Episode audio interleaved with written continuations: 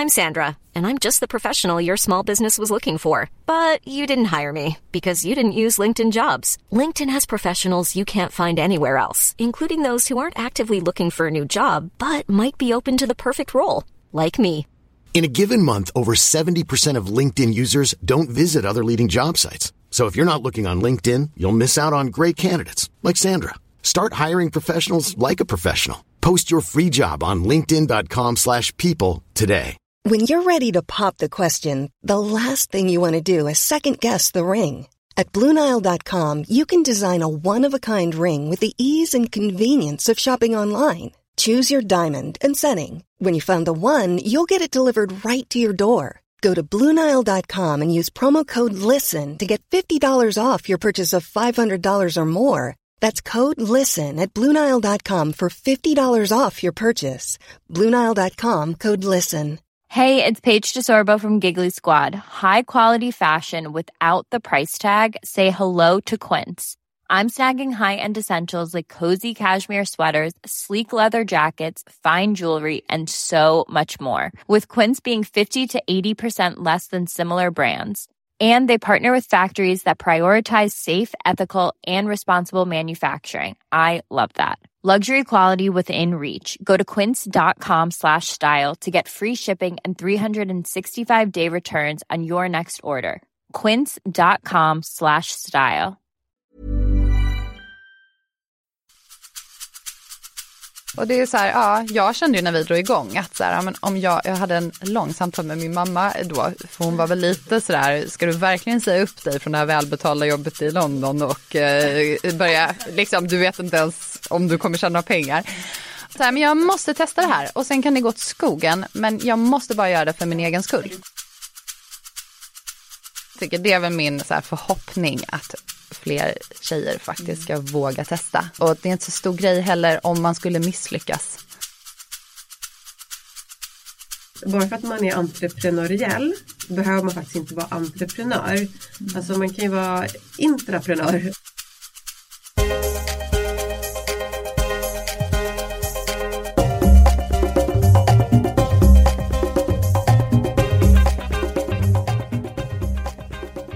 Hallå och välkommen till Karriärpodden och till mig Eva Ekedal. Den här veckan träffar jag två starka kvinnor på startup-himlen, grundarna till företaget Kompetenser, Janna Jarlman och Tove Toll. Kompetenser är en digital plattform som gör det möjligt att man kan träffa en coach eller terapeut enkelt via video. De träffades när båda gick på Handels där de förenades i att de hade så mycket affärsidéer i huvudet. Men direkt efter studierna så började de jobba för olika arbetsgivare, både internationellt och i Sverige. Janna har arbetat inom digital affärsutveckling och marknadsföring på bolag som Schibsted och Rocket Internet. Tove hoppade på ett internship i Indien på en stor producent av vindturbiner. Efter det började hon som den första kvinnliga managementkonsulten på ett svenskt kontor för en dansk konsultfirma. Men för tre år sedan startade de alltså kompetenser med målet att professionell rådgivning ska vara tillgänglig för alla oavsett var man bor. Så följ med i vårt samtal som handlar om hur deras entreprenörsresa har sett ut och tankar om karriären och livet förstås. Men innan vi startar vill jag också berätta om vår nya samarbetspartner till Karriärpodden. Vi har ju nämligen inlett ett samarbete med Försvarsmakten och det innebär bland annat att vi kommer att ha några gemensamma teman i Karriärpodden framöver. Men nu så, nu kör vi!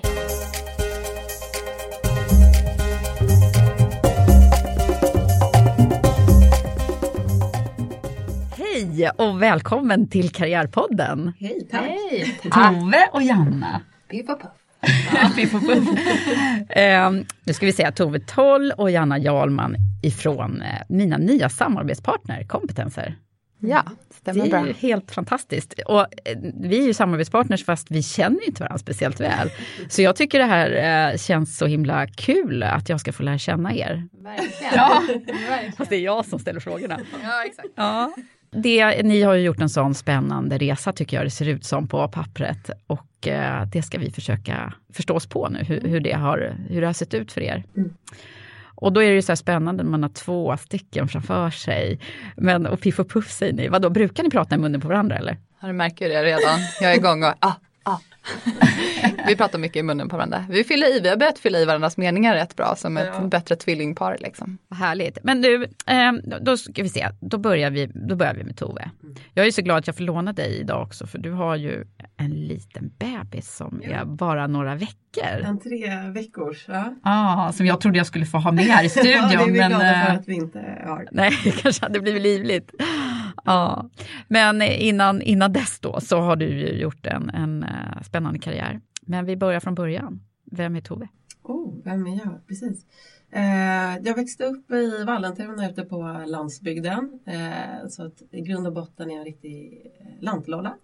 Eh, alltså mycket djur och mycket familj, många olika generationer, eh, allt i samma hus. Så. Um, men sen så när jag var 12 så sökte jag själv till en skola i, uh, lite närmare stan. Uh, för jag kände att det borde finnas mycket, liksom en värld utanför det här Bullerbyn. Ehm, så då kom jag i kontakt med den stora världen, mm. tyckte jag då. Och började i Danderydsskolan eh, Mörby. Men eh, så det är liksom lite så den bakgrunden och, och, det har alltid varit väldigt mycket entreprenöriellt runt omkring mig.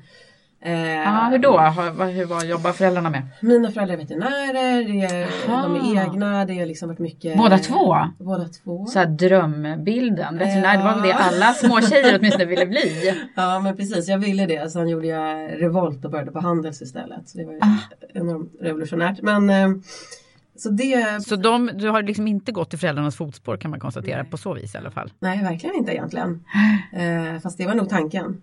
Eh, men så blev det inte. Nej, vad då var tanken? Vad tyckte ah, de... Nej, men att jag skulle bli, eh, jag skulle nog bli veterinär. Okay. Var med på alla utryckningar och på nätterna och sådär. Tyckte det var jättespännande. Du liksom drömde om det själv? Ja. Mm. Eh, men när man jobbar med djur så jobbar man också med eh, människor. Ja. Eh, och det är väl lite där vi har hamnat idag med verkligen snabbspolar.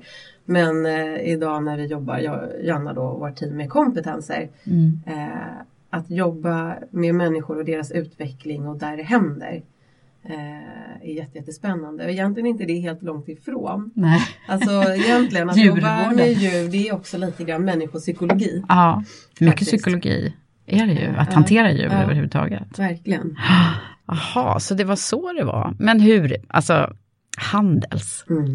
Hur, hur gick valet att det, att det blev just Handels då? Jag valde mellan det och psykologilinjen. Eh, men jag kände att det är mer skalbart. Nu låter det jättedigital, techy, lite nördigt men utan att jag visste ordet mm. Eh, för skalbart eh, så är det det som jag kände att där kunde man kanske göra en större påverkan mer institutionaliserat eller vad man ska säga än att hjälpa en individ i taget. Mm. Och återigen var det lite där då som jag hamnade med kompetensen nu när man kan ha en plattform där folk kan arbeta med sin personliga utveckling och hälsa eh, i en större grupp utan att jag ska ägna en timme åt att prata med en person i taget. Mm. Att man möjliggör, man faciliterar samtal istället. Okej, och, och när träffade du Janna? Precis, en vacker vårdag. ja. jo men vi träffades på Handels. Det var så ja. Klubbkompisarna. Ja, men Janna gick lite tidigare, ett år över. Är du ett år äldre alltså Janna? Stämmer. Mm. Mycket visare och mm. klokare. Längre. Längre. Snyggare. nej, nej. Eh, nej men precis, och vi lärde ändå känna varandra på, eh, på Handels. Men vi var tillräckligt eh, onära för att våga starta bolag ihop. Hade vi varit best pals och suttit ihop hade det nog varit lite läskigare faktiskt. Ja, vi hade ju lite sådär som en, vi dejtade brukar vi ja. säga. För vi hade en gemensam kompis som eh, som tröttnade tror jag lite grann på att träffa Tove och Tove pratade bara affärsidéer. Och så träffade hon mig och då pratade bara jag affärsidéer. till slut så sa hon nu får ni sätta er själva och prata med varandra. Mm. Eh, och då började vi lunchdejta lite sådär med jämna mellanrum och bolla affärsidéer och snacka och sådär, klämma känna lite på varandra. Mm, var det så det var? Mm, så det var men så det men om vi, om vi hoppar över till dig då Janna. Nu tar jag över, ja, det var inte meningen. var, var kommer du ifrån? Lund. Ja, men jag hör ja, lite det. det är försiktig, försiktig dialekt. Um, ja, men jag växte upp i Lund, gick i skola där. Då var det självklart att det skulle bli akademiska studier eller? Det var akademiskt, absolut. Mm. Det fanns inte så mycket annat på kartan. Eh, men det är ju en fantastisk miljö på Mm. många sätt. så. Eh, mina föräldrar drev också eget men inte sådär jätte Alltså min mamma har drivit eget konsultbolag och min pappa har alltid haft en massa projekt vid sidan om. Han är läkare. Eh, så att det fanns ju där någonstans också men kanske inte riktigt lika uttalat som för dig. Ehm, men eh, jag tror, jag var nog alltid ehm, helt inställd på att plugga vidare. Men jag var också väldigt inställd på att jag ville plugga utomlands. Jag ville Ja. absolut sticka från Sverige så fort jag bara kunde. Var kommer det därifrån då? Ja, det är ingen som vet. Mina föräldrar var helt oförstående. Nej, det var nog bara en väldigt så här, nyfikenhet på att liksom eh, utmana sig själv och se vad som fanns där ute och eh, komma till en annan miljö. Ehm, så att det var egentligen det som var tanken. Men eh, halvvägs in i någon ansökan till Stern Business School i New York som var drömmen då så, Ja. eh, så knackade mamma mig på axeln och bara du, du ska inte söka Handels i alla fall, du kan väl ge det en chans. Hon tyckte det var lite långt bort med New York. Ehm, så att jag, vi kompromissade lite där så jag skulle ge Handels en chans. Då blev det det. Och då blev det det. Ja, det dröjde ju typ tre dagar och sen var man fast. Ja. Och då flyttade du till Stockholm? Flyttade till Stockholm. Yes. Så sen jag har varit Stockholmsbaserad sen jag började plugga. Ja. Men du har ju flaxat lite också. Jag har inte flaxat så lite, jag har flaxat otroligt Ja. mycket tror jag om du frågar. Ja, för jag, jag försökte följa din LinkedIn-profil och bara, äh, jag har tappat bort mig lite där. Men, men Ja, jag har bott utomlands i rätt många Schibsted är det ju också. Ja exakt, jag började jobba på eh, Schibsted, gick deras traineeprogram, management trainee, så då var jag i Oslo en sväng med dem. Eh, och sen efter Schibsted så, så var egentligen där väldigt mycket det digitala intresset väcktes. Eh, jag sköt lite med hagelbössa när jag var klar på Handel, så jag var väl inte en av dem som visste exakt vad jag ville göra. Ehm, men, eh, eff- men där blev jag verkligen intresserad av de digitala produkterna i Schibsteds, liksom, som de höll på att jobba med, med Blocket och som lanserades i olika länder. Ehm, och sen efter det så gick jag då till Rocket Internet som r- liksom rätt nyligen då hade startat upp en sk- skandinavisk verksamhet. Där jag gick in och då jobbade jag först i Sverige med lite olika projekt. Ehm, men efter ett knappt år i Sverige så ehm, valde jag att köra ett projekt i Tyskland. Så då flyttade jag till Berlin, var där ett år och sen så blev det ett annat projekt och så var jag i New York en sväng. Så att du fick den där Ja, eh, jag fick det internationella där. Det var resan. helt fantastiskt. ändå. Ja. Och sen var det London, ett år med Millicom, ett annat Kinnevikbolag. Och då fick jag resa, vi gjorde, eh, lanserade en Mobile Education produkt eller företag då. Och då ska vi köra pilot i Rwanda och El Salvador. Så då var jag där och reste och så här. Så det var ju liksom, det blev nästan Verkligen. lite overload med allt resande. Ja, det blev nästan för mycket. Nej det, var, nej det ska jag inte säga. Jag tyckte det var jättekul. Men jag kände också som man blir väldigt varse för och nackdelar med att resa mycket i jobbet. Så. Just det, det blir ingen ordning på rutiner och Ingen annat. ordning på Nej. rutiner. Nej. Och relationer kanske också till viss del lite knöligt. Där har Mm. väl ett och annat fått stryka med i processen. Ja, är det så? Ja.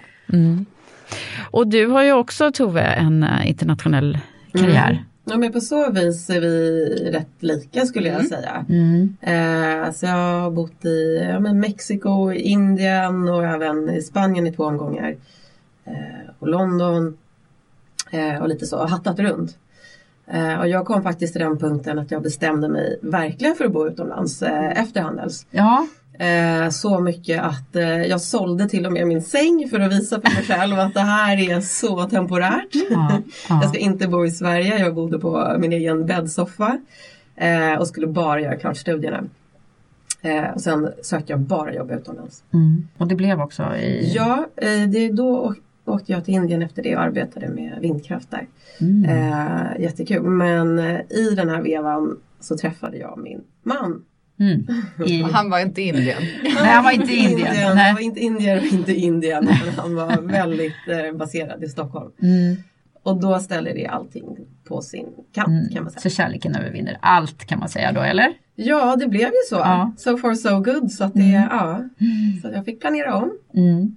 Och eh, sen eh, den lilla sessionen då i Indien som ändå blev. Men eh, då längtade jag faktiskt hem ganska mycket om jag ska vara helt ärlig.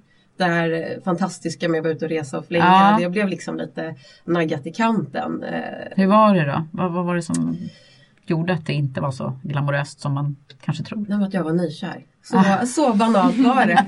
Men ändå ganska fint då. Mm. Eh, så att det, det var jättekul att vara där. Jag jobbade bara med indier och, och mest med män och jag lärde mig jättemycket och fick eh, även lära mig det här med andra värden i, i livet. Hur rika de är på det andliga. Mm. Eh, med meditation och så vidare och yoga. Eh, även om de är ekonomiskt inte så rika. Nej. Ofta. Eh, så att jag fick ju med mig jättemycket av det här. Men sen var det jätteskönt att komma hem. Och som dess har jag mer eller mindre varit i Sverige. Ja, just det. Och de här affärsidéerna då som ni diskuterade redan på Handel som jag förstår hela. Vad tänkte ni från början att ni skulle göra? Vi hade så mycket idéer. Ja men i början var det nog mest att det var liksom ett, vi fann varandra någonstans i bollplanket, bollplanket kan man säga det. Ja, men vi, det var väldigt bra sparring oss emellan liksom.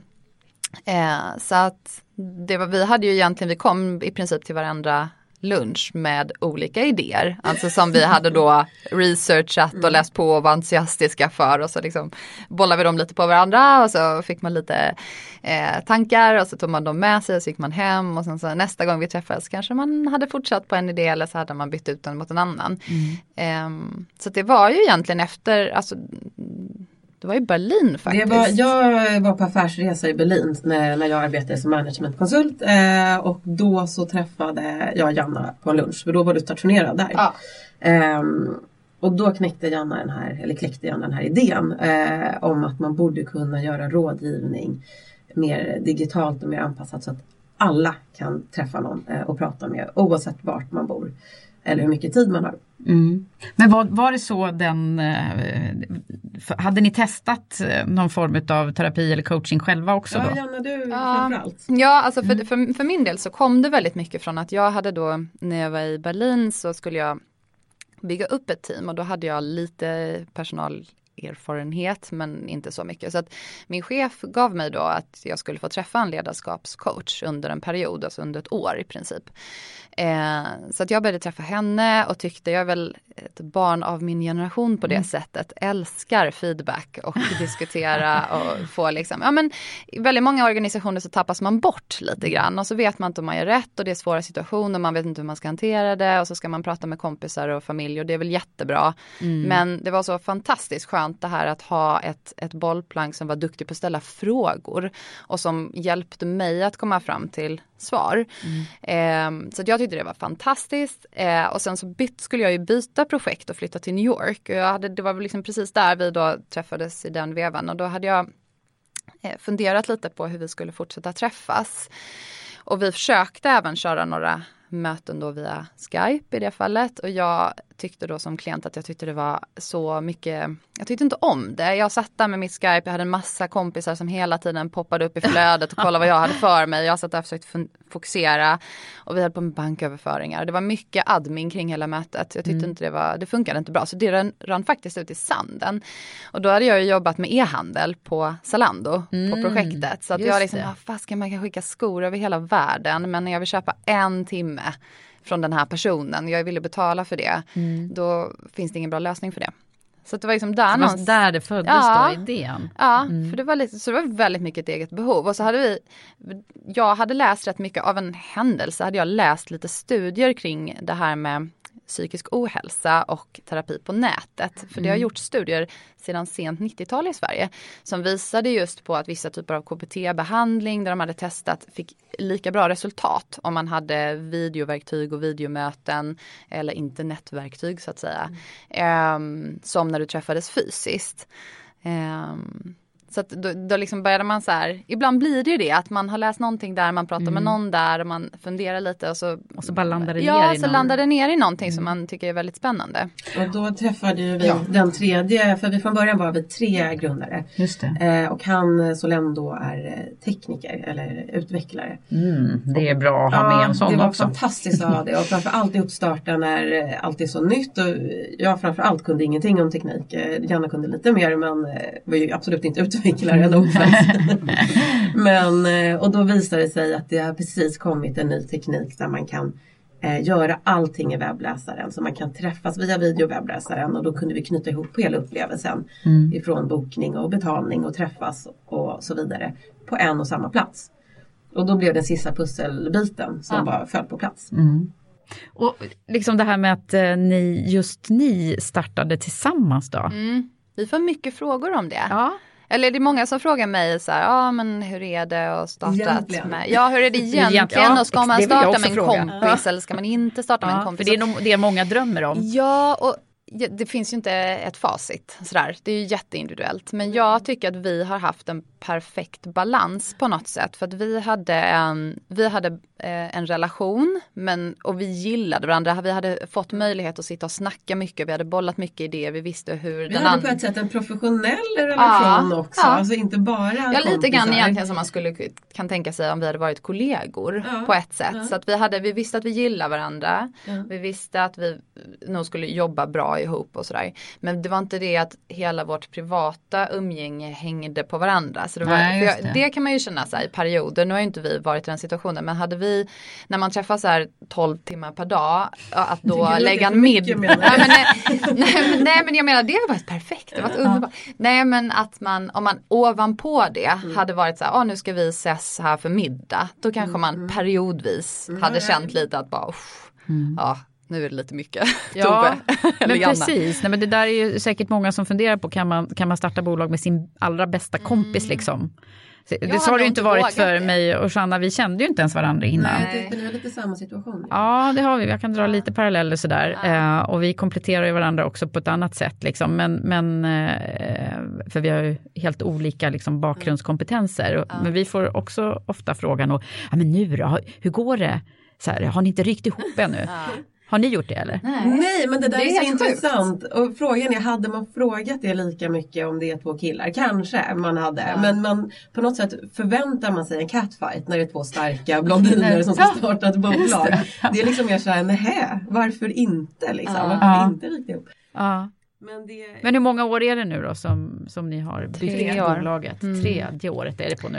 Mm. Och vi har nog inte haft någon sån riktig ihopbrytning. det kanske kommer. Ja. Men jag skulle säga att vi eh, är så pass, när någonting dyker upp så dammar vi av det. Liksom. Mm.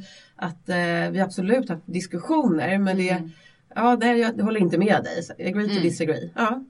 Tough luck. Nu Ja. Ja, nej, men absolut. Nu går vi vidare. Ja. Så att det blir inte så infekterat skulle jag säga. Nej, och jag tror vi på vissa sätt är vi nog båda rätt envisa, Mm. men inte i förhållande till varandra, om det makes sense. Jag vet inte. Ja men men, att det inte är någon prestige. nej, det är ingen prestige. Alltså det, Jag tror vi sa det här om dagen att skulle det vara bäst för kompetenser att jag skulle sitta i receptionen en vacker dag, då gör jag det. Liksom. Att det handlar inte om vad man har för roll eller vad man gör eller vilken Men är det någon som är eh, vd på pappret eller hur?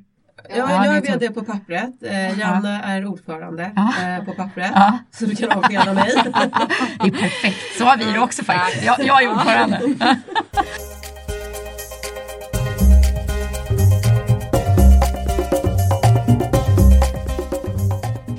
Men när ni startade, eh, hur gick det till då? Ni fick eh, söka kapital och så för att f- Vi bootstrappade ett år som det heter. Det vill säga att vi var självfinansierade. Vi tog Ja. inte in kapital. Mm. tog lite Almi, vad heter det, innovationslån. Ja. Exakt, just eh, det. det är helt sant. Mm. Och sen efter ett år tog vi en första liten, liten runda Mm. eh, av externa då, änglar. Mm. Bland annat Stockholms affärsänglar och Niklas Adelbert från Klarna eh, och några andra. Mm. Och det var jättehärligt men det var också jättehäftigt att få den kompetensen. Mm. Alltså duktiga erfarna personer eh, som nära bollplank. Vad, är- vad är de, eh, det är säkert många som lyssnar på det här nu som funderar, ja, jag vill också. Eh, Så, vad, vad, vad har ni för goda råd kring just den där biten? Att investering menar du? Ja, när man ska igång? söka eh, kapital. Att eh, träffa jättemycket folk. Vi började träffa folk ett år innan vi behövde kapital. Mm. Eh, Det tar tid. det tar tid och också veta vad man själv vill få ut av det här. Mm. Det är ju på något sätt ett eh, liksom tvåvägs eh, samarbete. Mm. Eh, så. Hur många är det idag som har eh, investerat? Eh, vi har relativt många för vi hade en till runda sen. Mm. Som man säger. Så att det Ja. alla från den första omgången eh, gick in med mer pengar. Mm. Eh, och sen hade vi även några fler. Ja, just det. Men det är lite, jag tycker också det här att det handlar väldigt mycket om att, för, för vår lärdom egentligen från första ronden vi körde eh, var väl också att man vi sa ju det till andra rundan att man kan bli ännu tydligare i sin strategi. Så här, för det är väldigt lätt också att man bara går runt på en massa events och liksom minglar mm. runt utan något speciellt mm. syfte. Mm. Alltså att man verkligen ändå försöker tänka lite vad är det man vill få ut av det och vad ska man, liksom, är det någon speciell person där som man vill försöka knyta en kontakt med och hur ska man göra det och sådär. Mm. Så dels ha lite tankar kring det, sen kommer det säkert utkristallisera sig en massa saker under vägens gång. Mm. Men sen också våga. Alltså det är nog väldigt mycket, man snackar mycket om det här varför det är mindre kvinnor i, i ja. som entreprenörer mm. och det, det handlar om det att så här, jag har alltid varit sån att jag tänker så här, okej okay, men vad är det värsta som kan hända? Vad är det värsta som kan hända? Ja, är det något jag kan liksom förhålla mig till, leva med och hur liksom kul tycker jag det här är. Mm. Och då tycker jag man måste ibland bara våga. Det har ju inte varit perfekt timing för oss eh, livsmässigt i alla lägen. Men det är aldrig det. Nej, det och det är så här, ja, jag kände ju när vi drog igång att så här, men om jag, jag hade en lång samtal med min mamma då, för hon var väl lite sådär, ska du verkligen säga upp dig från det här välbetalda jobbet i London och eh, börja, liksom, du vet inte ens om du kommer tjäna pengar. Mm. Och då var jag så här, men, alltså, kände det, jag bara, nej, men detta är som vi har hållit på och filat på affärsidéer sedan gymnasiet. Jag bara, alltså detta är liksom som en tio års lång graviditet som jag måste få ur systemet. ja. Jo men lite grann, man bara så här, men jag måste testa det här och sen kan det gå åt skogen men jag måste bara göra det för min ja. egen skull. Men du kommer ju hinna i så fall söka jobb, ett vanligt ja, jobb. Om jag du skulle var alldeles orolig där, det där löser sig. Men, men jag, jag tycker det är väl min så förhoppning att fler tjejer faktiskt mm. ska våga testa. Mm. Och det är inte så stor grej heller om man skulle misslyckas. I USA är de så bra på det för de ser det som något positivt. Det, vi pratar ju jättemycket misslyckanden i Karriärpodden. Ja. Eh, därför att eh, det, det är ju ofta det som, som när, när man liksom kommer till mm.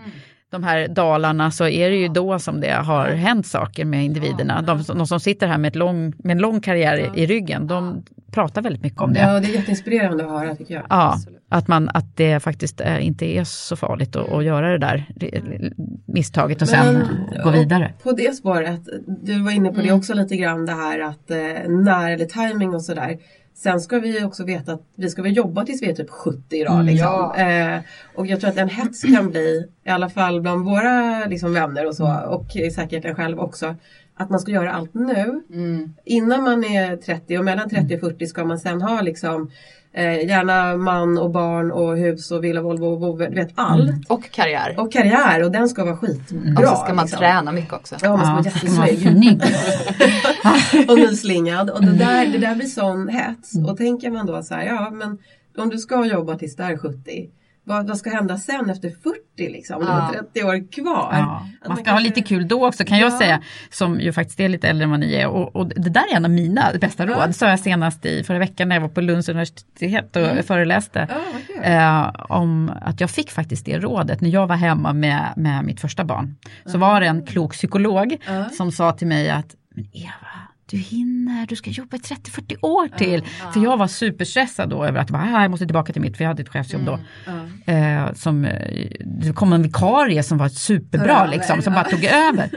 Ja, eh, så att jag pratar jättemycket om det där och det vet jag ju att ni också, alltså det passar utmärkt att vi pratar om det där. Mm. För att ni har ju stresscoacher och så också ja. som, eh, som ni marknadsför på er plattform. Och den här åldern, eh, just mellan 30 och 40 är man som mest utsatt. Ja. Det är väldigt många som går in i väggen de här ja. åren och det är så synd. Det ska mm. vara kul. Ja, verkligen. Man ska ha kul hela tiden ja. i yrkeslivet. Det är ju ambitionen. Ja, och jag tycker också det, det man har, som nu kommer ju fler studier, det var ju senast nu bara för någon, några veckor sedan som Försäkringskassan kom ut med den här som vis, studie som visade då att de som är sjukskrivna på grund av psykisk ohälsa, vilket då det vanligaste är ju mm. stress. Mm. Eh, de är ju sjukskrivna mycket, mycket längre än i princip alla andra. Och det är det som är så tråkigt när man i vår ålder kanske då de som går in i väggen. För det tar lång tid att återhämta sig och även när man kanske är återhämtad på pappret så att man kan gå tillbaka så har man ju ofta, då är man ju känsligheten blir mycket mm. högre. Och därför är det så himla viktigt tycker jag då personligen att man hela tiden försöker jobba alltså bara för att undvika ens sätta sig i den situationen. Att man är medveten om, okej, okay, vad är mina saker som jag gör. Alltså jag har ju haft sådana lägen när man har stått utanför eh, porten när vi har haft mycket att göra. Så står man utanför porten och kommer inte ihåg portkoden. Nej, det är så här klassisk, det är en klassisk grej. Att, och det är så bra för att jag är väldigt tacksam så när man har haft sådana situationer. För att det har gjort att jag har en så tydlig liten röd flagga. Så här, oj ja. oj, nu börjar det bli lite Men har mycket. du varit nära liksom? Och, och Nej, inte så nära. Men liksom man har börjat se att man har haft perioder där varit väldigt körigt. Mm. Och det, det tror jag alla, de allra flesta har sånt. Mm. Och det är bara att man ska vara bli varse de liksom, tidiga tecknen mm. och sen så jobba mot det. För det är så här, jag vill aldrig sätta mig i den situationen att jag skulle bli utbränd. För jag vet mm. att då plötsligt handlar det inte om, ja jag kommer tillbaka om sex månader. Utan Nej. det blir liksom Nej men att jobba proaktivt med det, ja. absolut. Ja. Men hörni, sen är det ju så här att vi, det här är ju Karriärpodden och då så är ju jag alltid sjukt intresserad av hur kommer det sig att de här har blivit så framgångsrika och vad är det som liksom har präglat er så mycket så att ni nu är en framgångsrik startup som driver det här bolaget som du håller på att ta stor mark. Mm. Eh, vad, Tove, nu börjar jag med dig. Vad, vad, kan du sätta fingret på vad du tror är de viktigaste faktorerna som har präglat dig? Från barndomen och, och både genetiskt och miljön. Ja men precis. Om att det finns eh, i min familj en stor tolerans, nästan en förväntan skulle jag kunna säga, eh, på att vara entreprenöriell. Eh, och driva sina egna projekt. Så det belönas också, eller, på säga. Alltså, ja, eller vad säger man? Det, det, det förväntas. Det, alltså, det är de, har, de har hejat på det? Ja, mm. eh, verkligen. Alltså, jag var typ sex år när jag startade hundtävlingar med trädgården och mm. tog fem spänn per hund. Det var viktigt med kassaflöde redan då. Liksom. Eh, så det har alltid funnits eh, i både miljö och mm. arv. Så det blir kanske. ju också en drivkraft då? Eh, absolut. Mm. Eh, så att jag, jag tror så här, jag har varit väldigt orädd för att dra igång saker. I kombination med att jag är nog lite rädd för att misslyckas när jag väl har dragit igång någonting. Mm. Så det gör att jag hela tiden eh, försöker liksom få, nu jäklar ska det funka och är väldigt envis i det. Eh, så den, den drivkraften tror jag, de två tillsammans mm. eh, kan få saker att hända. Sen så tror jag att, ja men såklart att gå på bra skolor och träffa bra människor och sådär. Eh, så Handels var danande också? Ja, mm. att få träffa, ja men som Janna och även många kanske kundkontakter vi har idag kan mm. börja därifrån och så. Men eh, den här hetsen då som man tror eh, kan upp, ha någon så här förutfattad mening om att det kan vara på Handels, känner ni av den? Jag gjorde faktiskt inte det, mm. helt, helt ärligt. Jag vet inte om du gjorde det? Nej, på Handels? Nej, jag mm. gjorde faktiskt inte det. Sen är det ju ofta så, äh, det där var ju två väldigt tydliga faktorer som du kunde hitta, men det finns ju också ibland så här, ja, när jag gick åt helskotta den där gången så lärde jag mig en massa saker och det är därför jag kämpar med det här. Har du någon sån lärdom som har betytt mycket för dig? Drivkraften just för det här området, eh, egentligen är det ju psykisk eh, hälsa. Ja. Eh, även om vi kallar det personlig utveckling och hälsa. Mm. Men, men mm. vi vill ju motverka att folk ska må dåligt. Eh, mm. och det grundar sig i att jag har sett kompisar må riktigt dåligt och hur illa det kan gå. Mm. Och i det tillfället bara känt att om den här personen bara fick hjälp lite tidigare så skulle det sett så annorlunda ut idag. Mm. Eh, Okej, okay, så du har haft det nära in på dig? Ja, precis. Och, då, mm. och det har väl varit liksom en, en drivkraft. Nu gör jag någonting som jag verkligen, verkligen brinner för och tycker är viktigt på riktigt. Mm. Mm. För sen kan man tycka det är kul att driva bolag och det kan man göra inom gaming och vad som helst och det är inget fel på det. Mm. Men det här är någonting som när man tar de här extra timmarna på natten så vet Exakt. jag verkligen att jag brinner för och tycker att det är viktigt. Precis, du har ett högre syfte ja. också. Mm. Mm. Klokt. Ha, du då Janna, nu går vi till dig. Vad, ja. vad, har du för någonting som är dina så här viktiga faktorer? Det, ibland är det lite bra att, att, att tänka på det också. Att, ja, eh, absolut. Jag, reflektera över det. Jag tycker den är svår. Men mm. alltså jag tänker ju mycket, nu gick jag inte på sån liksom superhetsig skola. Jag gick på en väldigt bra skola men det var väldigt stor variation i vad, folks bakgrund och sådär, inställning till skolan rent allmänt. Eh, men jag har ju väldigt mycket fått hemifrån då, liksom, verkligen akademisk familj och Eh, föräldrar som har varit väldigt engagerade på ett väldigt positivt sätt. Eh, som har liksom drivit på och visat på väldigt mycket möjligheter när man liksom gör sitt bästa. Och jag har ändå bara alltid uppfostrat i det att man gör sitt bästa. Och så ser man till att så mycket, då, då kommer det komma så mycket möjligheter som möjligt och så får man ta tillvara på dem så gott man kan. Mm. Men jag vet inte, jag har också alltid haft då ett driv. Jag tror det, det grundar sig i att man, jag har haft en liksom stor trygghet där i familjen. Att man ändå någonstans har vetat att de har liksom backat en. Så jag har ju alltid då liksom haft, var, kunnat i mig själv då var rätt så här nyfiken och sökande och liksom ute och tagit chanser och liksom vågat säga upp mig från jobb och sådär. Och det, det, är svårt att säga var det kommer ifrån. Men Jag tror det handlar mycket om det att man har en grundtrygghet eh, och sen har jag nog aldrig velat jag har en sån här grej att jag kan inte jag vill inte göra mig själv besviken, det låter jättedumt. Men eh, jag, jag, har haft det så här, jag tänkte på det för jag, ibland när vi pratar om det här att tala inför folk, mm. eh, att det är många som tycker det är jobbigt. Och jag, jag tycker också det, så här, jag blir jättenervös innan. Eh, men om jag får frågan så kan jag inte säga nej. För, alltså, jag kan inte säga nej för att jag skulle bli så besviken på mig själv om jag säger nej för att jag är lite rädd. Mm. Och det är en sån här grej jag vill liksom aldrig... Imagine the softest sheets you've ever felt. Now imagine them getting even softer over time. That's what you'll feel with Bowl and Branch's organic cotton sheets. In a recent customer survey, 96% replied that Bowl and Branch sheets get softer with every wash. Start getting your best night's sleep in these sheets that get softer and softer for years to come. Try their sheets with a 30-night guarantee. Plus, get 15% off your first order at bowlandbranch.com. Code BUTTERY. Exclusions apply. See site for details. Hiring for your small business? If you're not looking for professionals on LinkedIn, you're looking in the wrong place. That's like looking for your car keys in a fish tank. LinkedIn helps you hire professionals you can't find anywhere else, even those who aren't actively searching for a new job but might be open to the perfect role. In a given month, over 70% of LinkedIn users don't even visit other leading job sites. So start looking in the right place. With LinkedIn, you can hire professionals like a professional. Post your free job on linkedin.com slash people today.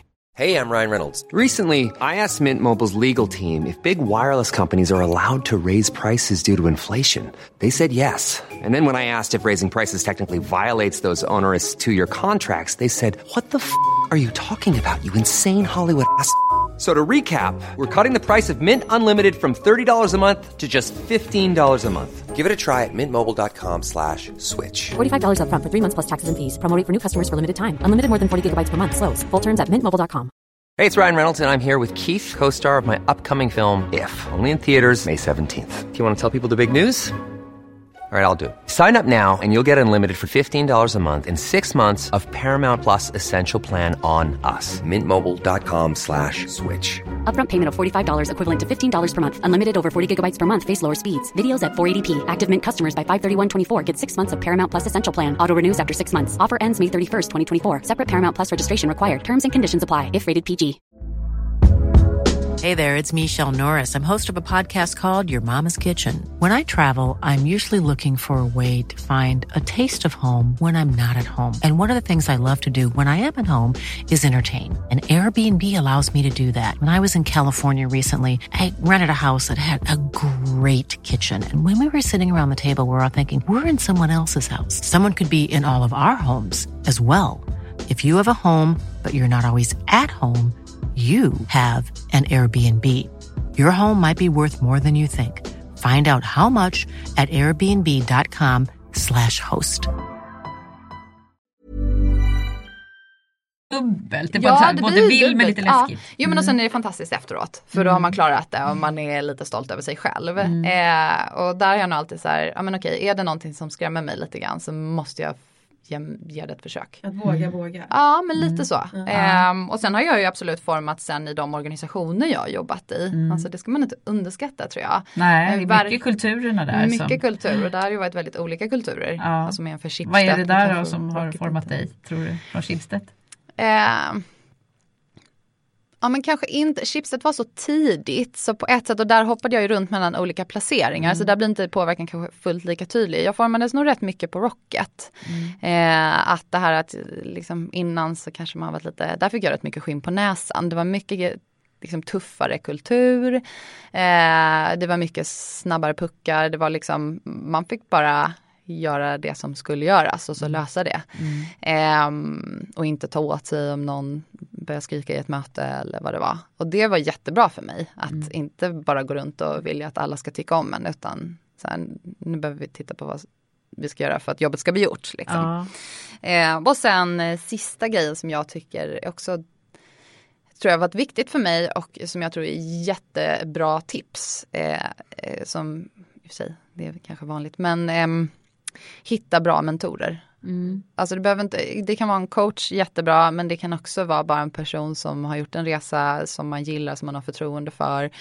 Eh, som man själv, sen ofta, jag har ju haft flera då mentorer, ofta genom jobbet faktiskt. Att man Alltså så här uttalat mentorprogram Ja. eller som du har sökt Ja. eh, själv? Nej, det har Nej, faktiskt varit mer uttalat. uttalat, Mm. mentorprogram eller program som jag har sökt till. Men ehm, sen blir ju sådana eh, relationer vad man, vad man gör det till. Alltså, och där har jag nog tagit en rätt proaktiv roll i vad liksom träffas regelbundet, tänka igenom vad man vill prata om och sådär. Och det tycker jag har varit fantastiskt givande. Mm. Jag fick en på Schibsted, det var väldigt roligt och då önskade jag mig då en, en kvinnlig chef i Sverige och tilldelades en manlig chef i Norge.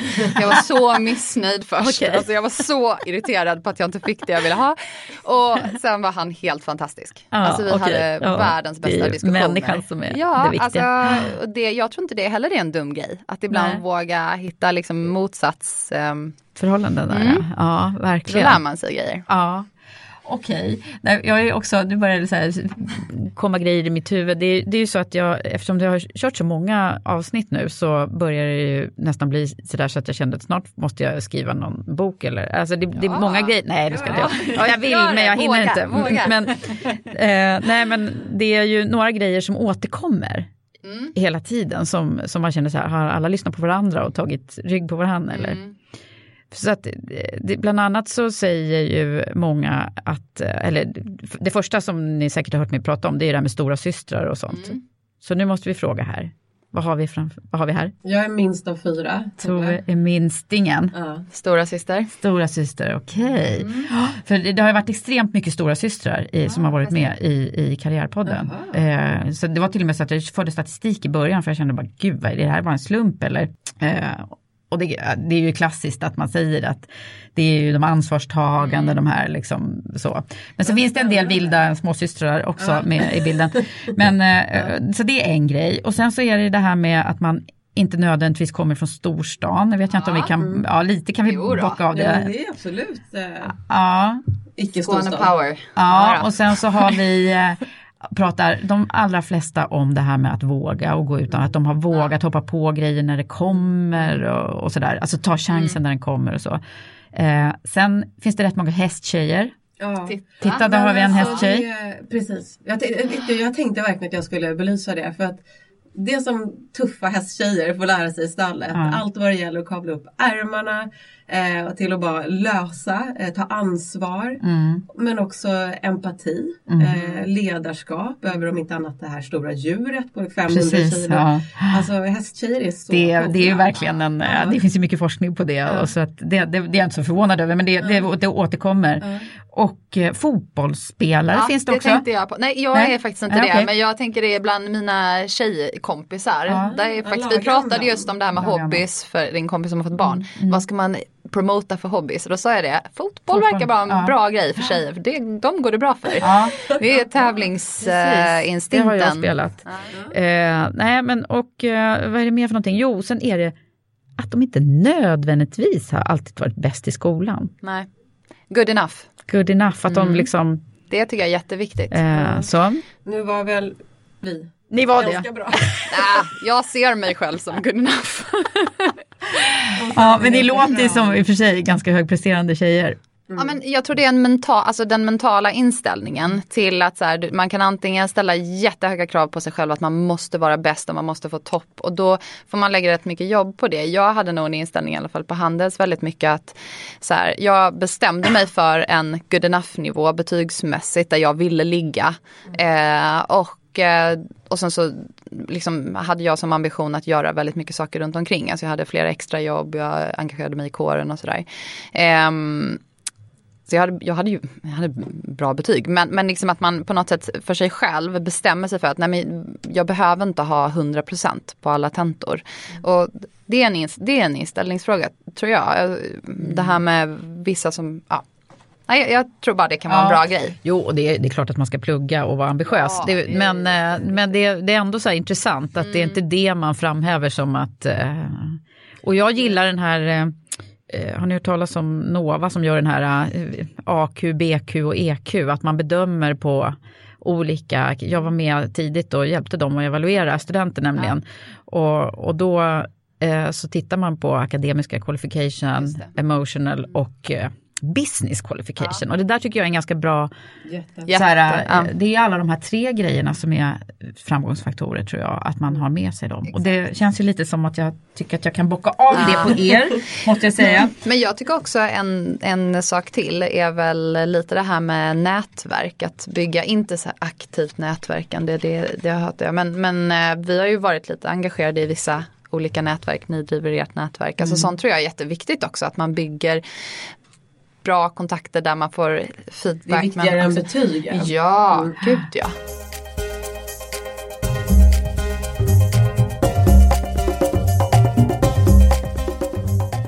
Men hörni, nu ska ni få en fråga också som kommer ifrån min uh, nya samarbetspartner till Karriärpodden Försvarsmakten. Eh, för att de skickar med en fråga här som sen kommer att leda till ett temaavsnitt inom kort. Och det temat handlar om tillit. Mm. Och då tänker jag att ni har säkert massor med klokskap kring det. Eh, både hur ni själva bygger tillit som eh, ledare nu, men också vad ni har för erfarenheter sedan tidigare. När känner man, vad är det som gör att man får tillit i grupper? Det är en jättestor, eh, jättestor fråga. Jag tror att mm, för egen del i alla fall, att man får ansvar och att man även ger ansvar och säger att det här är din boll. Eh, spring med den. Eh, lös det. Men jag finns här. Eh, men att man inte är inne och liksom micromanage eh, mm. de dagliga uppgifterna. Eh, men att man visar att om det skiter sig så är jag här och backar upp dig. Du kan alltid fråga. Eh, jag tror att det är jätteviktigt att man känner ägarskap. men utan att för den saken skulle göra saker som man inte har alls någon aning om hur det ska lösas. För då kan det bli en negativ stress. Mm. Jag håller helt med. Det är väl min erfarenhet just att, att våga ge ansvar och sen så då back, visa att man är och backar upp. Sen skulle jag också lägga till kanske en viss eh, lagom nivå av transparens. Att man på ett team och med ja, medarbetare he, liksom visar, berättar vad som händer. Och sen kanske man inte behöver gå ner i exakt varenda liten detalj och att liksom det här fram och tillbaka och när, kanske framförallt när det är rörigt. Men att det finns en, en transparens så att alla känner att de är med och vet vad som händer. Framförallt när man är ett litet företag i, mm. som för Hur oss. många är ni nu på kompetenser? Fem. Fem. Mm. Mm. Just det, så ni har ju chans nu att liksom bygga den här tilliten. Då. Exakt. Ja, på det sättet som ni vill. Och ett led i det, om man vågar och om teamet vågar, är att man behöver kanske inte vara privat, men att våga också vara personlig ja. i det. Vi har ju våra tisdagsmöten eh, och då har en punkt, sen har vi inte alltid liksom varit jätteduktiga på att fråga det, mm. men en punkt är eh, How is life? Ja, just det, alltså, att man vågar gå utanför ja, det vanliga. För ibland, eh, liksom man river av om en sprint och hur ligger till med produkten och mm. kunder och mm. support och så vidare. Men sen också om någon kanske har en skitvecka, mm. vilket man får ha. Men då kanske jag vet varför Janna sitter och surar. Eller ja. jo, Janna vet varför jag sitter och surar. Och så kanske man inte behöver säga exakt varför om man inte vill det. Eh, men det skapar också en tillit. Ja. Mm, att våga säga det. Verkligen. Ja, att man mm. vet vad som händer i folks liv. Ja. Jag tycker bara det är kul att, att, att inte underskatta det här vardagssnacket. Att mm. käka lunch ihop ibland och stämma av och fråga folk hur det är helgen och sådär. Mm. Det är så små, små saker. Verkligen. Och jag tänker på det som vi pratar en hel del om är ju också det här moderna nya ledarskapet som vi tror kommer att krävas i organisationen om man ska liksom hänga med i den här snabba mm. förändringstakten och så. Hur, vad, vad, vad, vad, tänker ni där? För ni bygger ju nu ett bolag som, som ska växa. Mm. Alltså där tror jag det är jätteviktigt att man som, som ledare inte ska vara expert på allt i, i sakfrågor. Eh, utan också det här med att kunna delegera ansvar. Att eh, det är faktiskt de på teamet som ska ha sina områden som de är bäst på. Mm. Eh, så du behöver inte, man behöver inte kunna om alla nya produktutvecklingar och teknik och så vidare. och så vidare. Eh, utan våga delegera det. Mm. Ja men också ja, att man ser till att jag tror det kanske framförallt med lite yngre, yngre generationer. Att man ser till att det finns, att man ger möjligheter till utveckling och det behöver inte mm. alltid vara bara, ibland är det kanske inte så lätt att göra det i jobbuppgifter men att man då tänker, vi har ju försökt arbeta lite så givet också vad vi gör, att det är det vi brinner för. Men att man liksom tänker, men okej, vad är viktigt för den här personen? Vad, hur vill han eller hon utvecklas? Vad kan vi göra? Ja men då kanske man ska slänga in just en coach eller man ska se till att de får gå på lite event av något visst slag med någon uppgift och sådär. Så ja. engagera på det sättet. Mm. Ja det frågar vi ofta. Vad vill du utvecklas inom och hur kan vi hjälpa dig att göra det? Mm. Så, för då, då, får ju person, då tar man ju ansvar över sin egen Exakt. utveckling och karriär. Mm, precis, att det inte ska bara komma matandes uppifrån. Nej. nej. nej. Vad, vad, vad, har ni för drömmar med, med, här, med bolaget och er själva? Framtidsdrömmar? Ja, men vi har sagt att vi vill bli den eh, största och bästa ut, alltså plattformen för personlig utveckling och hälsa i, i Europa i alla fall. Så ni kommer gå global mm. nu? Mm. Mm. Det passar utmärkt då med, med liksom eran, eh, tänker jag, den erfarenheten som ni fick i början av karriären. Ja, internationella. Mm. Det finns ju redan i Nederländerna. Vi har en liten ah, sajt. Det visste jag inte. Jo, ja. Så att vi har börjat doppa tån i den där europeiska dammen. Hur, och vadå, hur, finns det några konkurrenter på marknaden eh, internationellt eller? Inte exakt som vi gör, eh, men det börjar komma, folk får mer och mer upp ögonen för rådgivningsbranschen och mm. det digitala och det är ju naturligt att de får gifter sig med varandra då, eh, digital rådgivning. Mm. Ehm, men i eh, Nederländerna har vi en fantastisk tjej som heter Marielle mm. eh, som har många års erfarenhet och som nu driver eh, oss i, hon är holländska mm. och bor i Sverige. Mm. Eh, så sitter med oss på kontoret. Okay. Eh, ah. Så det är en fantastisk liksom match. Ah. Och det har gått jättebra. Ah. Gud vad spännande att få följa er resa. Och personligen då? Liksom ska, är, ska ni växa med företaget nu liksom? Ja, nu hittills har vi gjort det. Alltså, mm. Man får ju en karriär utan att kalla det en karriär egentligen. För nu vill vi ju växa kompetenser och sen mm. är det en mm. bonuseffekt eh, att vi lär oss supermycket på, på det här, liksom, ja. på den här resan. Men hur hanterar ni det här? Alltså jag, jag är så, det är så kul att få prata med er därför att eh, vi, jag tror att vi har ju lite parallellprocesser. Ja. för vi bygger ju också bolag nu och det är ju så extremt roligt eh, men det är också så sjukt mycket att göra. Ja. Eh, och, och, det, är så här, man, det är nästan man lever liksom med företag dygnet runt. Ja. Mm. Hur, hur hanterar ni det här? Har ni liksom satt upp några rutiner? Du, jag, tycker, jag tycker alltid, Tove brukar alltid säga, du brukar alltid säga bara, ah, man har en ny lägsta nivå. Ja. typ allt hemmet ungefär. Ja men att man får släppa kraven ja. Det, ja. ja. Ni får träna ännu mer på det där. Ja, ja men, men det tror jag är bra. Att inte allt behöver vara nystruket och nyputsat eh, hemma liksom. Sorry Fredrik. Eh, men så, så blir det ju att man faktiskt får foka på att vara bäst på, på jobbet också. Mm, mm. Eh, så har det blivit. Men nu har ju du lite extra fullt skägg eftersom jag jobbat ja. på mammaledighet. Hur grejer du det nu då, Janna? Ja, jo men det går rätt bra faktiskt. Alltså där någonstans när man driver eget så är det ju mm, det finns ju saker att göra 24 timmar om dygnet. Mm. Så att man får på något sätt bara bestämma sig för var man liksom sätter sina egna begränsningar någonstans. Och eh, jag har väl bara liksom bestämt mig för att jag ska hitta en, en bra rutin. Um, och jag tycker jag har gjort det. Mm. Alltså, nu, nu var detta rond två, mm. eh, barn två här på mm. Tove. Så att jag känner ju också att jag börjar bli lite varm i kläderna. Så ja, nu barn tre kommer gången. det liksom bara gå av bara farten. nej, då, men, nej men alltså det är ju faktiskt så. Första mm. gången är ju när man liksom då hamnar i lite mer ensam eh, situation så är allting nytt och då vet man inte riktigt. Det var lite sådär ny situation för mig.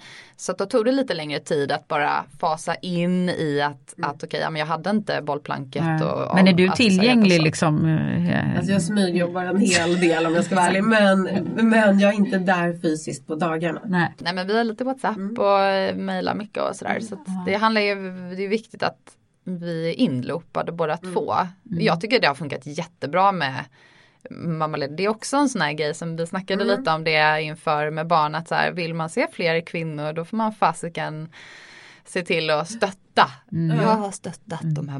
Liksom, Ja, alltså, bara, jag tycker det har varit så. Nej men jag har varit, för jag, ibland får man ju frågan och jag är så här, jag tycker det är jättebra, funkar jättebra och det har det verkligen gjort. Det, man kan göra man kan göra det till en jättestor grej men jag tycker inte det är en stor grej. Nej, Nej. det är livet också. Ja det är livet och Mm. livet måste få hända lite grann och där, det är ju det här att man måste vara eh, ja, man, man löser mer än vad man kan tro faktiskt och det är ju det också man märker då med liksom att ja, men Tove är rätt inloopad nu, det är inga problem. Vi kan liksom stämma av viktiga grejer. Det där behöver ju inte bli en kvinnofälla heller. Alltså sen, min man jobbar finans liksom och är väldigt så traditionell eh, bransch på det sättet. Men han fick gå hem sen för jag kan inte ta ett år liksom. Nej. Jag kan knappt ta sex hur, länge, månader. hur länge tänker du vara hemma då? Eh, sex månader eh, siktar vi på och sen eh, ja, får han hoppa in. Eh, och det är ju fantastiskt och det gynnar ju bara vår hemmasituation också. Eh, för barnen och den relationen de får. Eh, så jag tror att eh, ja, men det är jättebra. Man behöver inte checka ut ett och ett halvt år. Vill man det är det jättebra om man har den möjligheten. Det är inget fel. Nej, men, Men- sen är ju entreprenörslivet också en fördel när man är hemma är eftersom du, du har ingen som står och hänger över dig som tycker att du ska, ja du har väl till styrelsen då kanske men, men jag menar eh, du har ju ändå möjlighet att styra din egen tid. Så jag blev faktiskt egenföretagare första gången när jag hade småbarn. Ja. Eh, ja. När du redan hade småbarn. Eh, ja, eh, precis. De var, ja, Josefin var tre år tror jag när jag.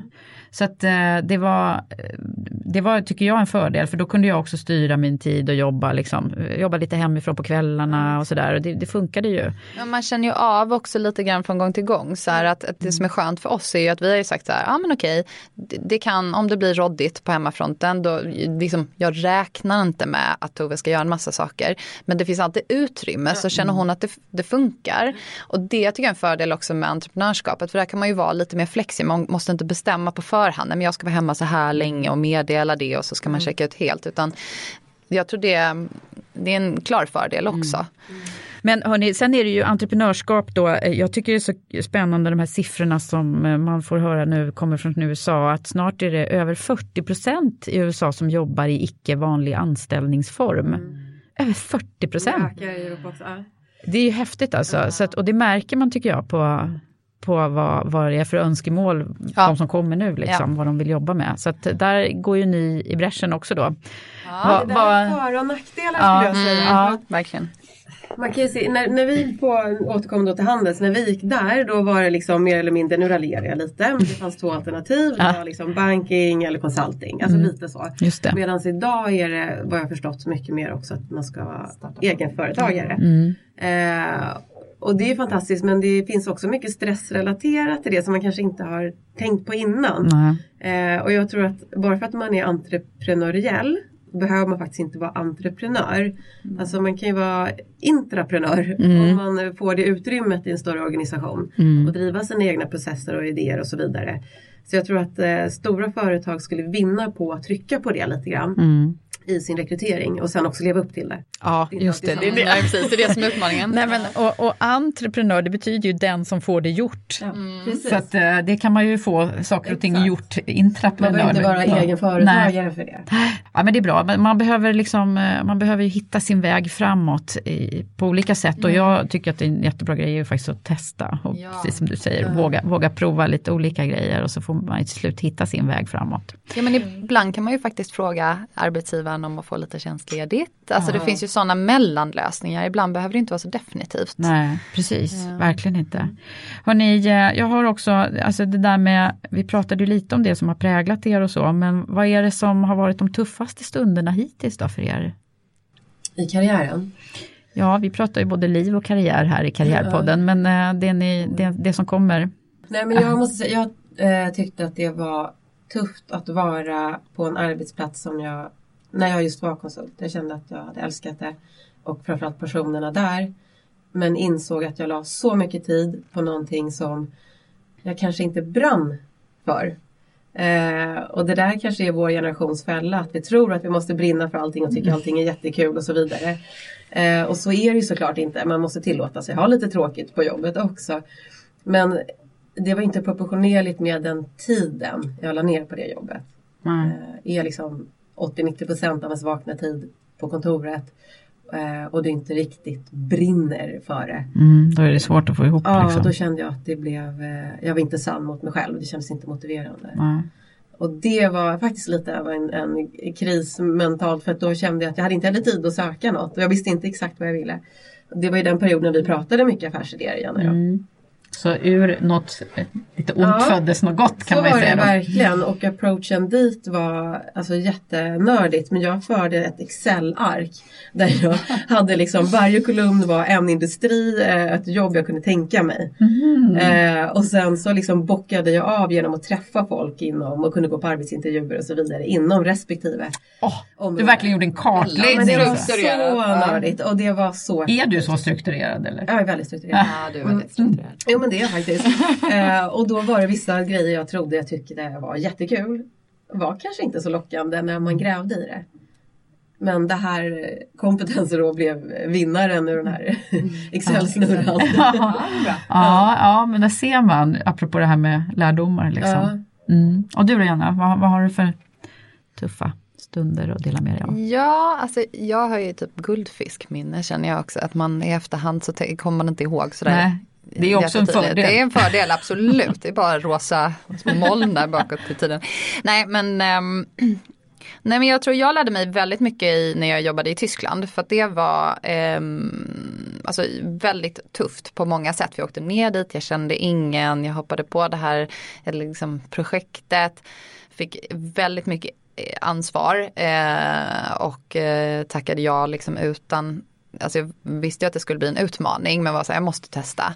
Ehm, hade en jättebra chef men där var det ju, det, det var ju en process det här att få lite skinn på näsan. Alltså verkligen sitta i förhandlingar och möten och tyskar som skriker och jag var i möten där liksom cheferna inte ville titta på mig. Alltså så för att jag var enda kvinnan i rummet typ. Och det var min tolkning, det kan i och för sig vara lite biased. Men, ehm, Eh, så det var ju absolut periodvis väldigt eh, tufft. Men jag kände också att det var ju då en period där jag lärde mig så otroligt mycket. Och just jag blev lite tuffare själv, vilket jag tror bara var en bra grej. Ehm, men sen tror jag också så här när man startar eget, jag tyckte jag hade en väldigt realistisk bild av hur det skulle vara. Och absolut ingen liksom, skönmålad bild av entreprenörslivet. Men det har ju också varit vissa delar som man inte, jag har inte räknat nog inte med hur tufft det skulle vara. Alltså bara en, jag menar bootstrappa ett år, för de som inte vet så är det ju då att man inte har några, man betalar inte ut några löner utan Nej. man liksom finansierar sin egen. Och det var väl, eh, hade jag nog inte riktigt så räknat med att, att så här, hur mycket, det, hur mycket stress det faktiskt blir. Alltså när man bara ser sparkapitalet ticka ner sakta men säkert. Alltså den, den var tuff. Absolut. Men sen samtidigt så som eh, min kille driver också eget. Eh, och vi, eh, såklart. Ja. Ehm, så att vi sa det att, att så här, men samtidigt är insikten det här vad lite man behöver faktiskt. Ibland är det bra. Eh, Precis, man får snåla in Ja, på man snålar in på vissa grejer. Så. Så här, Ja Mm. men vi har faktiskt väldigt bra. Alltså ingenting att klaga på. Att, Så det materialistiska betyder ju det är inte... väldigt klyschigt. Men det är ju faktiskt så. Jag är väl lite av en materialistisk själ. Men, men det, så det har varit en bra insikt för Ja. mig att liksom. Det betyder ju faktiskt inte allt. Och det, ibland det. är det lite, lite bra också att få testa på det Exakt, lite extra mycket. exakt. Så att säga. Ja, Mm. och verkligen känna på den och se vad som är viktigt. Eh, och, så att, eh, men många många liksom lever ju med det Ja, hela tiden. Att, Men eh, det skapar ju mycket sömnlösa nätter. Ja, det gör det ju. Alltså verkligen. Men ett bra tips eh, där som jag gjorde även när jag var anställd är att all eh, min lön har alltid gått till ett konto som jag inte har ett kort till. och sen får jag Exakt liksom, samma. och sen får jag liksom eh, låna, jag är som min egen kreditkommitté och så får jag gå med mössan i hand till mig själv och be om 5000 kronor till den här månaden så att jag kan gå på det här middagen eller resan. Jaha, eller så du har liksom ingen automatisk överföring till någon Nej. form av rullande? Nej, utan jag Nej. liksom äh, äskar pengar på mig själv. Och det är jätteeffektivt. För man känner alltid att man är, inte pank, men att man liksom inte lever i någon form av överflöd. Även de gånger när man har haft en bra lön. Ja. Eh, så det gjorde att, att gå över till att ha på riktigt ingen lön eller en riktigt låg lön. Eh, var inte riktigt lika svårt. Som om jag alltid hade haft ett stort inflöde. Stort, nej, att det bara liksom hamnar pluff ett stort eh, kapital där varje Ja, månad. exakt. Ja. Och på så vis så har jag kunnat spara mycket och också kunna finansiera att Mm, bootstrappa ett år. Ja, Jag har nog haft väldigt mycket sta- samma strategi faktiskt. Ja. Men nu då, nu börjar det lossna för er. Det går bra nu. Nej men jag tror det kommer fortfarande dröja, alltså ska man bygga en skalbar produkt som vi gör så, kom, så dröjer det innan man är helt eh, självfinansierande. Eh, men nu ser vi mycket mer ljuset i tunneln och vissa månader är bra, på riktigt bra. Eh, så det är ju himla skönt mot när man inte har en intäkt alls och inte planerar för det heller. Nej. Vilket är en uppbyggnadsfas. Men man får ju en helt annan inställning till det. Alltså när man är anställd så vill man ju bara maximera sin egen lön och nu plötsligt sitter man ju på två stolar för man ser ju vad den där lönen kostar företaget i slutändan och då Ja, blir man så här, uff, aj, vi, vi tar inte ut så mycket. Nej, nej, vi håller nere de där lönekostnaderna för det är ju det stora. Ja, alltså det är den stora kostnaden så att då vill man ju, man vill ju verkligen maximera företaget. Alltså det blir, Och bygga buffert. Ja, så att man, det, hin- man är mycket mer mån om att hitta en balans där man får då gå runt privat men där det liksom funkar för företaget. Ja, ja, men det är ju verkligen, man önskar ju att alla egentligen någon gång i livet kunde få känna på det här. Eh, För det är ju, det är ju nyttigt ur ett Vissa skolor har ju så att de får starta bolag på kul Ja, i, i studierna. Jag tycker det vore jättebra om alla fick lära sig. ja, Ja, egentligen. det ångrar jag. Jag ångrar att, jag ångrar inte nästan någonting. Men jag ångrar att, nej men jag ångrar faktiskt att jag inte startade något bolag typ när jag gick på gymnasiet eller faktiskt un, lite under studierna. Eh, vid sidan om, alltså inte att det måste bli världsherravälde men liksom våga ta det där lilla steget och börja för man lär sig så himla mycket på det. Mm, så här kommer det, det bara haglar tips här känner jag. Jag brukar, jag brukar ju liksom säga att nu ska ni säga era bästa tips och vi är faktiskt nästan där vid den punkten nu. Det där var ju en grej men jag tänker, eh, ibland är det bra att tänka, nu är inte ni så lastgamla, men eh, jag brukar ställa frågan vad, om man skulle försöka tänka sig tillbaka när man var sådär 18, 19, 20. Vad hade man velat, vad hade man mått bra av att få höra då?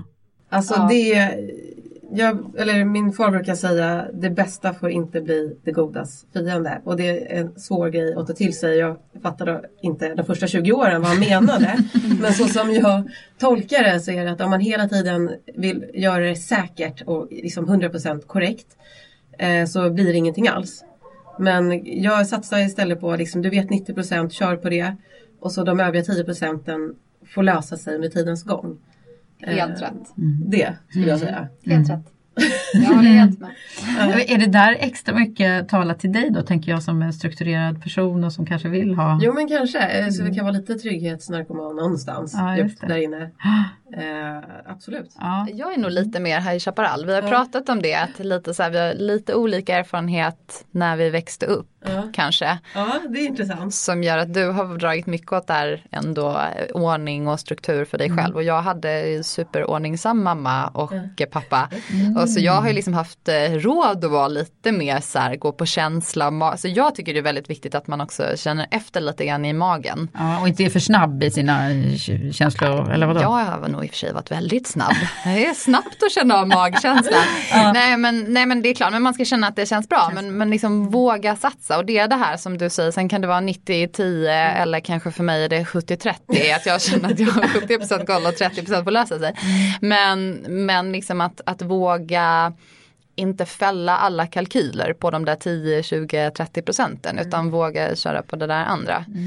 Ehm, det och, tror och det hade du mått bra av att få höra? att det var okej? Ja, ja, ab, jo men absolut, alltså det, det tror jag alltid man, och sen så framför allt det här med good enough som vi pratade om tidigare, att så här, liksom våga fundera igenom själv, var sätter jag ribban för mig själv, vad är det jag vill uppnå, eh, vad tror jag behövs liksom. Eh, för ibland är det så lätt att man bara drar på på alla växlar. Och det är lite det vi sa med krav i tillvaron rent allmänt. Att det är så lätt att man säger, ja jag måste äta vegetariskt och så ska jag laga liksom, mat varenda dag och så ska jag träna och så ska jag göra karriär och så ska jag vara hemma med mina barn jättemycket. Och så, och så plötsligt så har man liksom triggat upp liksom, kravet på alla cylindrar.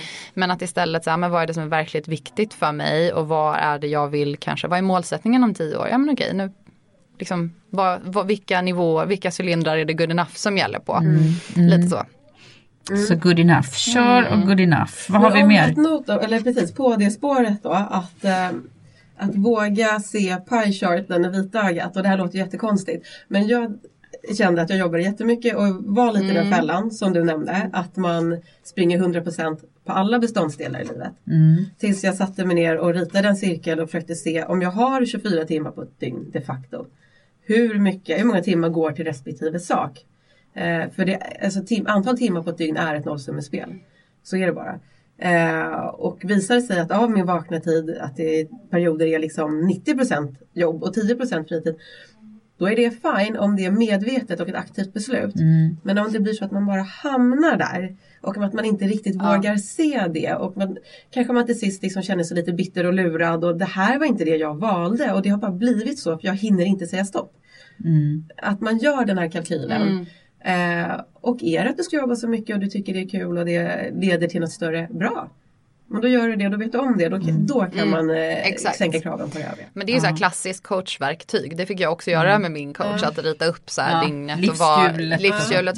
Och det, ja, men det kan låta lite töntigt men det är så effektivt. jätteeffektivt. Och det tycker jag också då, på det, då återkommer vi till vissa teman. Men jag tycker det att man ska eh, våga liksom hitta hitta personer och ta hjälp av personer. Det kan vara någon i ens närhet som man redan känner. Det kan vara någon som man eh, liksom har läst om som man beundrar. Det kan också vara någon som är kanske mer utbildad coach och som kan liksom hjälpa med sådana verktyg och bara man kan träffas två gånger och att det kanske tar en vidare i tankeprocessen. Men det är otroligt Så värdefullt. ta hjälp. Titta, titta på kompetenser.se. kanske. Ja, nu vart det lite reklam där men det tycker jag var helt okej för det var så roligt att ha er här. Tack. Detsamma, Jättetrevligt. Tack så Ja. mycket för idag.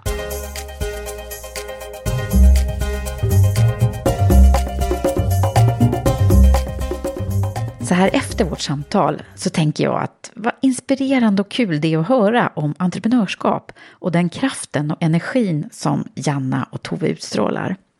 Hur går det till när man ska starta eget och vad ska man tänka på? Vilka tips och råd kan vi lära av varandra? En sak är säkert, det behövs fler kvinnor som startar bolag.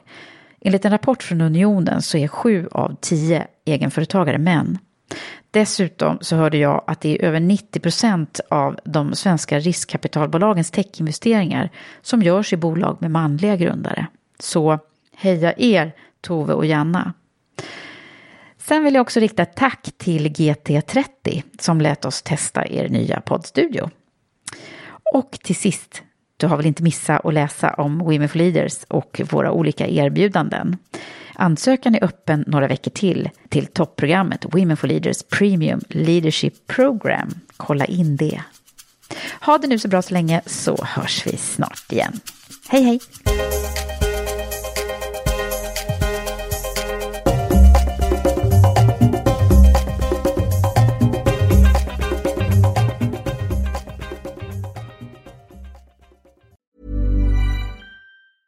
Mom deserves the best, and there's no better place to shop for Mother's Day than Whole Foods Market. They're your destination for unbeatable savings, from premium gifts to show-stopping flowers and irresistible desserts. Start by saving 33% with Prime on all body care and candles. Then get a 15-stem bunch of tulips for just $9.99 each with Prime. Round out Mom's menu with festive rosé, irresistible berry chantilly cake, and more special treats. Come celebrate Mother's Day at Whole Foods Market.